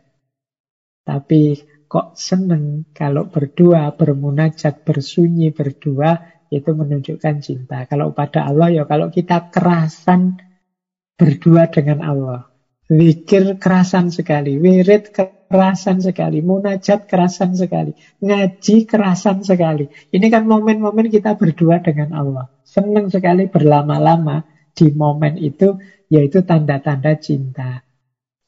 Kalau kita ngajinya tidak kerasan. Ngaji baru lima menit, baru dapat satu halaman, dua halaman, sudah ingin berhenti saja. Ini kan tidak kerasan kita, tidak kuat kita berdua dengan Allah. Wirid juga begitu. Zikir juga begitu. Itu kemungkinan memang kita belum ada di makom cinta. Kalau kita ada di makom mahabbah, makom cinta, itu justru senang kalau berdua. Ciri yang keempat, tidak menyesal. Eh, ya, tidak menyesal dari apa yang terlewat kalau bukan tentang dia. Misalnya, wah gara-gara ngaji habis isak tadi agak kepanjangan, ketinggalan sinetron deh aku. Tapi tidak apa-apa lah, wong sinetron aja kok. Asal Allah tetap ridho asal bisa tetap bersama Allah. Ini biasanya tanda-tanda cinta. Jadi tidak nyesel aku ketinggalan, tidak nyesel aku kuliahnya telat karena harus jemput dia dulu misalnya. Nah, itu kan tidak menyesal dari apa yang terlewat asal bukan tentang dia, asal tidak mengecewakan dia, asal saat bersama dengannya. Itu tandanya orang cinta. Ciri selanjutnya, rasa cinta itu adalah ringan gembira dalam ketaatan. Orang yang mencintai itu, kalau diminta melakukan sesuatu oleh yang dia cintai, dengan riang gembira dia akan melaksanakannya. Atau bahkan dia minta apa yang bisa aku lakukan untukmu? Apa yang bisa aku tolong? Apa yang bisa aku bantu? Ini cirinya orang mencintai. Kok ngaku mencintai tapi kalau diperintah mulet terus, bulet terus, cari-cari alasan untuk tidak menjalankan, kemungkinan belum cinta. Jadi, ya kemungkinan masih sifatnya beban, masih kewajiban-kewajiban kewajiban atau kebutuhan-kebutuhan. Begitu butuhnya hilang, ya taatnya berkurang. Kalau pas lagi ada kepentingan, ada keinginan, itu wah mati-matian misalnya ibadahnya. Tapi begitu keinginannya terpenuhi, susut kualitas dan kuantitas ibadahnya. Ini berarti levelnya belum level cinta, belum mahabbah. Masih ada pamrih-pamrih, sehingga kalau pamrih itu terpenuhi ya sudah ditinggal yang dicintai. Maka hati-hati para pecinta. Jangan sampai ditipu oleh pecinta yang lain seolah-olah itu cinta padahal itu bukan. Itu hanya pamrih-pamrih tertentu. Orang yang mencintai itu cirinya antara lain ringan, gembira dalam ketaatan. Selanjutnya tanda cinta yang lain menurut Imam Ghazali takut takjub merasa aku ini tidak ada di hadapannya. Aku ini kecil di hadapannya. Maksudnya aku kecil atau merasa kecil itu lenyapnya ego. Jadi orang yang mencintai itu kan ciri paling mudah yang bisa kita deteksi itu tidak egois. Jadi tidak ingin enak sendiri, menang sendiri. Tapi dia inginnya yang enak dia, yang menang dia, yang sukses dia, yang bahagia dia. Itu cirinya orang yang mencintai. Takut pada yang dicintai. Ya, takut kehilangan, takut dia murka, takut dia tidak mau lagi bersamaku, takut dia menjauh, dan lain sebagainya. Kok orang ngaku cinta tidak ada takutnya sama sekali, perlu diuji lagi apa benar itu cinta. Takjub, ya ini ada rasa kagum, ada rasa bangga bahwa aku mencintaimu. Ini cirinya orang cinta. Nah, ada lagi menurut Imam Ghazali, cirinya cinta yang terakhir yaitu apa? Menyamarkan kecintaan. Ada rasa khawatir kehilangan, ada rasa cemburu. Maka tidak terlalu suka pamer-pamer. Biasanya orang yang cinta itu inginnya pokoknya kita saja. Bahkan dunia ini milik kita saja. Yang lain tidak usah dipedulikan. Bahkan takut pamer-pamer. Makanya menyamarkan. Jangan sampai engkau dilihat orang lain, nanti orang lain juga jatuh cinta padamu. Wah, aku cemburu kalau begitu. Nah, ada cemburunya. Jadi misalnya teman-teman kalau kasusnya cinta pada Allah ini melihat ya Allah itu ada ulama kok begitu tawaduknya begitu dekatnya rasanya dengan Allah begitu bagusnya ibadahnya begitu lembutnya wah aku cemburu harusnya aku juga bisa begitu aku kan juga harusnya cinta padamu ya Allah ini ada cemburu ada rasa cemburu ini menunjukkan ada rasa cinta tapi kalau orang tidak cinta, itu misalnya yang dia cintai diajak orang lain bersama orang lain, ya biasa saja, biar aja bareng orang lain. Ya nanti kalau aku butuh, ya aku yang jemput. Sekarang sama orang lain tidak apa-apa. Tidak ada cemburunya, ini kemungkinan belum cinta. Kalau orang cinta itu ada cemburunya. Maka para pecinta tidak usah galau kalau ada cemburu-cemburu. Nah, asal cemburunya masuk akal. Baik, ini tanda-tanda cinta ya maunya cinta kepada Allah meskipun masuk saja kalau kita pakai untuk mengidentifikasi cinta kita pada sesama, pada orang tertentu yang kita cintai. Tapi ini menurut Imam Ghazali seharusnya arahnya kepada Allah. Berarti membacanya kita senang bertemu Allah, dekat bersama dengan Allah. Kita banyak menyebut namanya. Kita asik berdua, kita senang kalau berdua dengan Allah, bersunyi, berdua, bermunajat. Dalam zikir, dalam sholat, dalam ngaji, dan lain sebagainya. Kita tidak menyesal kehilangan apa pun, terlewat apa pun, asal bukan kehilangan Allah atau terlewat Allah, apalagi mengundang murkanya Allah. Kita ringan dan gembira menjalankan apa pun perintahnya Allah. Kita takut dan takjub serta merasa kecil di hadapan Allah. Kita cemburu, kita khawatir kehilangan Allah, apalagi mungkin melihat para pecinta Allah yang banyak ada di mana-mana. Inilah tanda-tanda mahabbatullah, tanda-tanda cinta. Saya lanjut. Nah, ini parameter kedalamannya cinta. Ini antara lain ya. Imam Ghazali menjelaskan ukuran dalamnya cinta itu bisa dilihat dalam ridho. Ridho itu rela. Nah, berhubungan dengan Allah berarti kita ridho, kita rela apa pun yang menimpa kita. Termasuk yang pahit-pahit, termasuk yang tidak enak-tidak enak, termasuk yang sangat berat. Kita ridho. Apa pun yang menimpaku ya Allah, tidak masalah. Asal engkau tidak murka. Bencana apa pun, kesedihan apa pun, kesulitan apa pun yang menimpaku, aku tidak galau, aku tidak sedih ya Allah. Asal engkau tetap dekat padaku, engkau tidak jauh dariku, asal engkau tidak murka padaku. Ini namanya ridho. Nah menurut Imam Ghazali, di antara parameternya keridoan, itu mudahnya dilihat ketika mengalami kesulitan. Jadi cinta itu sangat diuji dalam situasi sulit, dalam situasi sakit, dalam situasi pedih. Dan itu menurut Imam Ghazali ada levelnya. Yang jelas, yang utama ada dua level.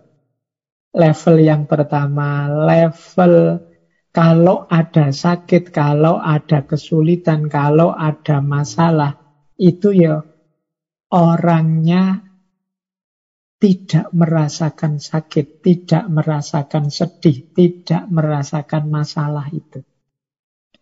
Jadi ini level pertama. Orangnya tidak lagi merasakan. Misalnya pandemi semacam ini, ini kan beban. Ada masalah yang harus kita selesaikan. Ada banyak problem yang muncul. Allah menetapkan COVID, menetapkan pandemi. Tapi orang yang cinta pada Allah tetap dia ridho. Dia tidak sedih, dia tidak galau. Dia tidak kacau hidupnya. Dia tidak nabrak kiri, nabrak kanan. Nah ini kata Imam Ghazali ini seperti orang perang. Orang perang itu kan dia tujuannya adalah menang. Karena fokus tujuannya menang, dia terjun ke medan perang itu kan ketemu banyak kesulitan. Kadang dia luka-luka, kadang dia sampai parah lukanya. Tapi kan tidak terasa luka itu karena apa? Pikirannya sibuk untuk memperoleh kemenangan. Bagi teman-teman yang pernah tawuran, pernah pukul-pukulan, kalau pas lagi tawuran lagi pukul-pukulan itu kan kadang sakit kena pukul itu kan nggak terlalu dirasakan. Kenapa? Karena pikirannya fokus untuk menang. Dari perkelahian, dari pukul-pukulan itu ya terasanya nantilah setelah pukul-pukulan mungkin malam harinya jarum semua tubuhnya. Tapi tadi di medan laga tadi tidak terasa itu. Loh, orang mencintai juga begitu. Di medan cinta, segala rasa sakit, rasa pedih tidak lagi dirasakan. Ini yang menurut Imam Ghazali disebut ridho. Tidak masalah, aku tidak terasa. Tapi ada lagi yang lebih dahsyat. Ini level kedua. Terasa sih. Ya sakit, ya pedih, ya kena corona, ya pusing, ya puyeng, ya mual, ya sesak dada dan macam-macam. Tapi aku rela dengan rasa sakit ini. Nah, ini level keridoan yang lain. Kalau yang tadi kan memang tidak terasa. Yang kedua ini terasa. Masih manusiawi. Tapi aku rela dengan rasa sakit ini. Aku rela dengan rasa pedih ini. Nah, ini parameter untuk mengukur dalamnya cinta. Ya dua-duanya jenisnya ridho. Cirinya orang yang mencintai. Tapi yang pertama tidak terasa, yang kedua terasa tapi aku ikhlas. Jadi karena engkau orang yang aku cintai, engkau menyakiti aku ya. Aku terasa sakit, tapi aku rela dengan rasa sakit ini. Aku rela dengan rasa sakit yang datang ini. Nah, ini salah satu parameter kedalaman rasa cinta. Berarti kalau kita diuji oleh Allah apa pun, ya karena kita ini manusia biasa, sakitnya masih terasa. Mungkin kalau para aulia, para wali itu levelnya tadi tidak terasa lagi. Karena sudah sama sekali tidak terikat dengan dunia. Tapi level-level kita, ini level-level yang ya masih sakit, kita masih lapar, kita masih ngantuk, kita masih itu. Mungkin kita mengalami ujian-ujian berat, ya tidak masalah, tetap kita cintai Allah, kita ridho apa pun keputusannya, meskipun keputusan itu bentuknya rasa sakit. Kita merasakan, tapi kita rela dengan rasa sakit yang datang itu. Nah, lanjut. Mengapa sih orang tidak bisa mencintai? Kata Imam Ghazali, kemungkinan kalbunya, kolbunya tertutup. Jadi sehingga dia mengingkari rasa cinta itu. Sebenarnya kalau kolbu kita tidak tertutup jernih, mudah kita mencintai Allah, hidup dalam cinta dengan segala keajaibannya. Imam Ghazali mengilustrasikan begini. Terkadang orang kehilangan penglihatan sehingga dia memungkiri indahnya bentuk-bentuk. Dan orang kehilangan pendengaran sehingga dia memungkiri indahnya nyanyian dan lagu-lagu merdu.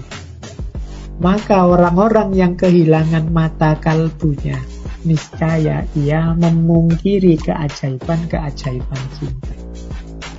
Mengapa orang sinis terhadap cinta? Mengapa kalau hari ini kan kalau ada kata-kata bucin lah, ada kata-kata kan orang-orang yang menganggap cinta-cintaan kayak gini itu apa ini bahasa nopo sih ini tidak penting ini tidak konkret ini mimpi ini dunia anak muda utopia dan lain sebagainya sulit membaca keajaiban-keajaiban cinta. Apa ada apa orang serido itu, setaat itu, mengorbankan egonya, apa ya mungkin, apa malah tidak manusiawi. Kan banyak pandangan-pandangan seperti ini tentang cinta. Kata Imam Ghazali, kalau ada orang komentarnya seperti itu, itu seperti orang buta yang tidak percaya kalau ada bentuk yang indah. Seperti orang tuli kehilangan pendengaran yang tidak percaya kalau ada lagu yang merdu. Jadi masalahnya ada pada dirinya. Sama orang yang tidak percaya pada cinta kemungkinan mata kolbunya mati. Bagaimana orang kehilangan penglihatan, orang yang buta tidak bisa melihat keindahan bentuk-bentuk, oh yang mata kolbunya mati, dia sulit untuk memahami dunia cinta dengan segala karakter dan keajaiban seperti yang saya jelaskan tadi. bagi orang tertentu membaca yang saya di atas tadi, ah itu tidak logis, ah itu omong kosong, ah bahas opo tuh? Itu tidak jelas, tidak konkret dan lain sebagainya. Semoga kita tidak termasuk ini ya, tidak termasuk mata kalbu, tidak bisa mungkin bisa menerima cinta dengan segala ihwalnya. Kalau teman-teman membaca kisahnya Laila Majnun misalnya merasa, ah ini tidak masuk akal, konyol. Atau membaca kisahnya para sufi yang jatuh cinta yang sampai kehilangan melenyapkan egonya seperti para wali. Kalau kita membaca itu dengan agak-agak sinis gimana? Jangan-jangan memang kolbu kita sudah tertutup sehingga tidak bisa mewadahi aspek-aspek yang sifatnya cinta ini. Sebagaimana orang yang kehilangan penglihatan sulit memahami keindahan atau orang yang kehilangan pendengaran sulit memahami indahnya nyanyian atau lagu. Baik, terus ini menarik. Di Ikhya saya ada satu kalimat yang disampaikan oleh Imam Ghazali begini. Ada tiga orang mulia utama dan para ulama sulit meleh mana di antara tiga orang ini yang ranking satu. Semuanya ranking satu, semuanya bagus. Yang pertama apa? Orang yang merindukan kematian, mencintai mati. Karena rindu kepada Allah. Mencintai mati itu maksudnya tidak takut mati. Karena rindu pada Allah. Yang kedua, orang yang mencintai hidup. Untuk dapat berkhidmat kepada Allah. Dan yang ketiga, orang yang tidak milih. Mencintai mati atau mencintai hidup, dua-duanya monggo saja. Silahkan Allah memilihkan yang mana untukku. Kata Imam Ghazali ini tiga-tiganya utama. Tiga-tiganya ranking satu. Orang yang batinnya terus rindu kepada Allah. Sehingga dunia bagi dia tidak penting lagi.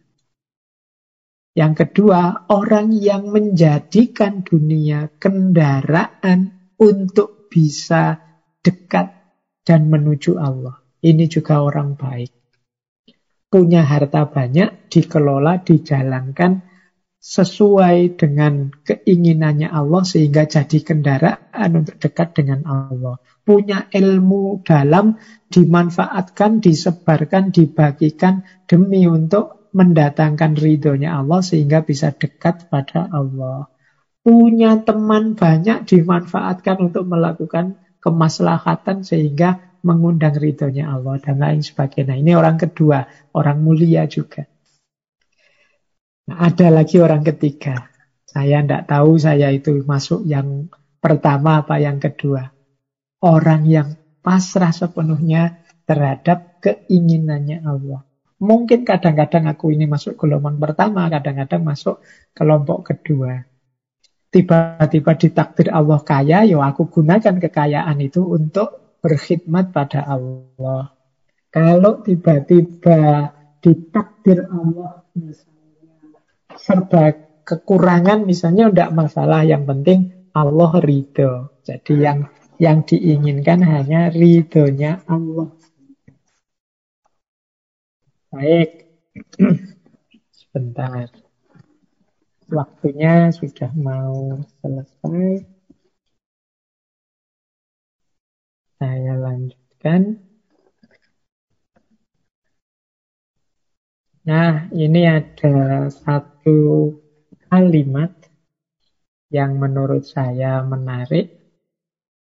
Saya ambil dari kimia ada untuk menutup sesi kita malam hari ini ya. Kimia ada itu kalau teman-teman membaca biasanya terjemahannya ya kimia kebahagiaan. Dalam kimia ada itu nanti ada bab bagian terakhir yang juga menceritakan tentang cinta kepada Allah atau mahabbah. Ini satu kalimat dari kimia usahada melengkapi isya kita. Kata Imam Ghazali, orang yang hatinya telah dikuasai cinta kepada Allah, tentu akan menghirup lebih banyak kebahagiaan dari kehadirannya dibandingkan orang yang hatinya tidak didominasi oleh cinta kepadanya. Keadaan keduanya seperti dua orang yang sama-sama bermata tajam melihat wajah yang cantik. Orang yang mencintai pemilik wajah itu akan lebih bahagia saat menatapnya ketimbang orang yang tidak mencintainya.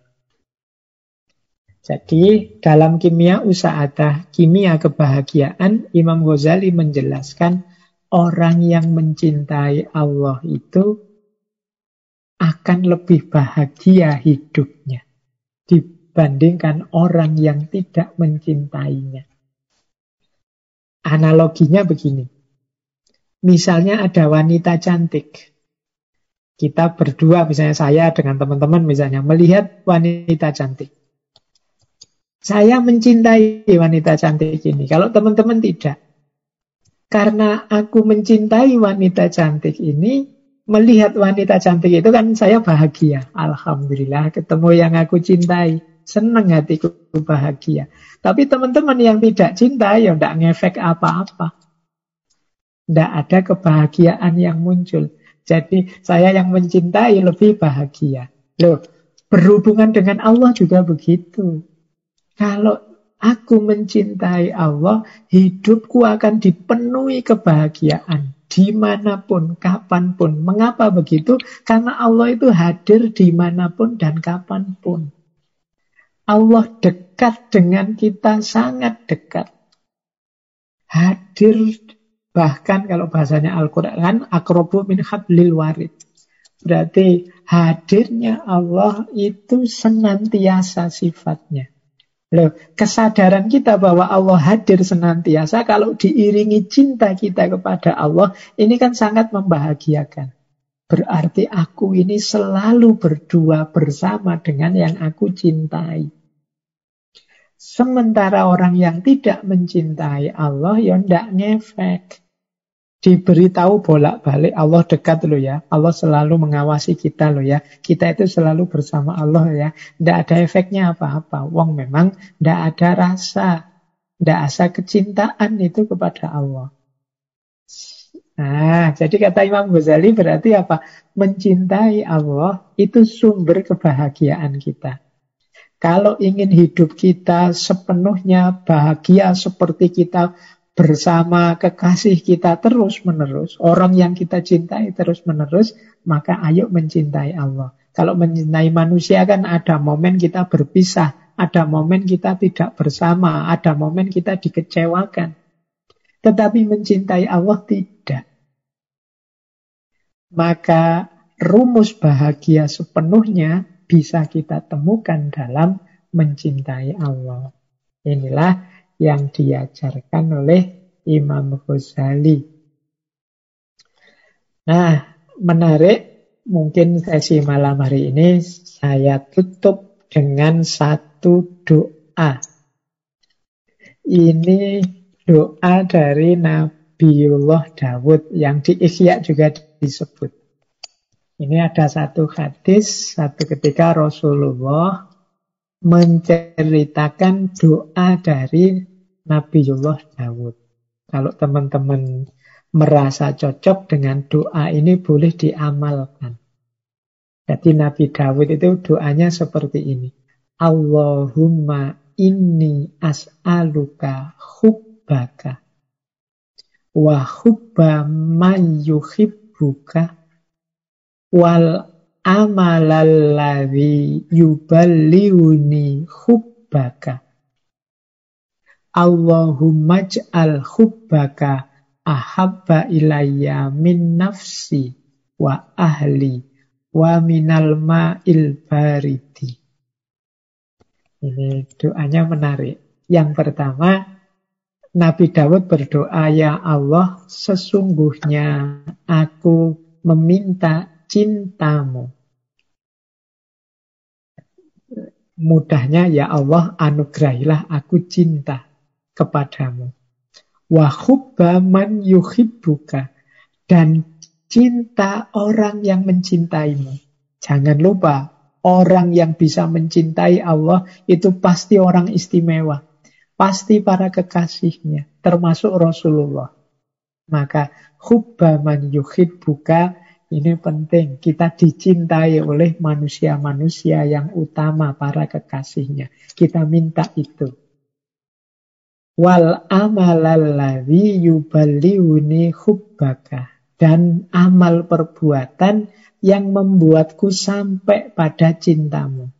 Jadi ya Allah, semoga aku bisa melakukan apa pun yang menghadirkan cintamu, membuatku sampai pada titik cinta. Jadi wal amalal yuballihuni hubbaka. Nah, terus doa yang kedua Allahumma ja'al ya Allah jadikanlah cinta kepadamu lebih aku cintai daripada cinta pada diriku sendiri, kepada keluargaku, bahkan kepada ma'il barit. Ma'il barit itu air dingin. Ya ma'il, ma'il barit itu mungkin maksudnya kenyamanan-kenyamanan hidup. Ya kalau di Timur Tengah, Padang Pasir, air dingin itu kan sesuatu yang sangat mahal dan berharga. Dan Nabi Daud berdoa semoga aku lebih cinta pada Allah daripada kepada diriku sendiri, kepada keluargaku maupun kepada kenyamanan-kenyamanan hidup pada ma'il barit. Nah, itu kalau bagian belakang itu penjelasan hadisnya wakana Rasulullah Shallallahu alaihi wasallam idza dzakara Dawuda yuhaddisu anhu qala kana a'badal bashar. Mengapa sih Rasulullah menceritakan doanya Nabi Dawud? Karena Rasulullah itu kalau diminta keterangan tentang Nabi Dawud, beliau menjelaskan Nabi Dawud itu a'badal bashar manusia yang paling kuat ibadahnya. Jadi ibadahnya paling mendalam. Nah, beliau ternyata doanya seperti ini, meminta rasa cinta kepada Allah dan juga cinta kepada semua yang mencintai Allah, orang-orang yang mencintai Allah, serta minta diberi kemampuan melakukan segala amal yang bisa membuat kita sampai pada cintanya Allah. Baik, jadi boleh silahkan kalau ada yang mau mengamalkan doa ini. Ini nanti buahnya adalah kita mencintai Allah dan juga pada akhirnya dicintai oleh orang-orang yang mencintai Allah. Baik, teman-teman, ini saya kira sesi untuk malam hari ini bisa kita cukupkan. Semoga sedikit-sedikit kita bisa mengambil manfaat dari gagasan Imam Ghazali tentang cinta kepada Allah atau mahabbatullah ini. Wawasan kita tentang mahabbatullah akan kita sempurnakan, kita lengkapkan minggu depan di tokoh Syekh Ibnul Qayyim Al-Jauziyah. Ibnul Qayyim ini nulis beberapa kitab khusus tentang mahabbatullah. Saya kira itu dari saya kurang lebihnya kalau ada keliru-keliru khilaf, salah ucap, salah ungkap, mohon dimaklumi. Saya akhiri sekian. Wassalamualaikum warahmatullahi wabarakatuh.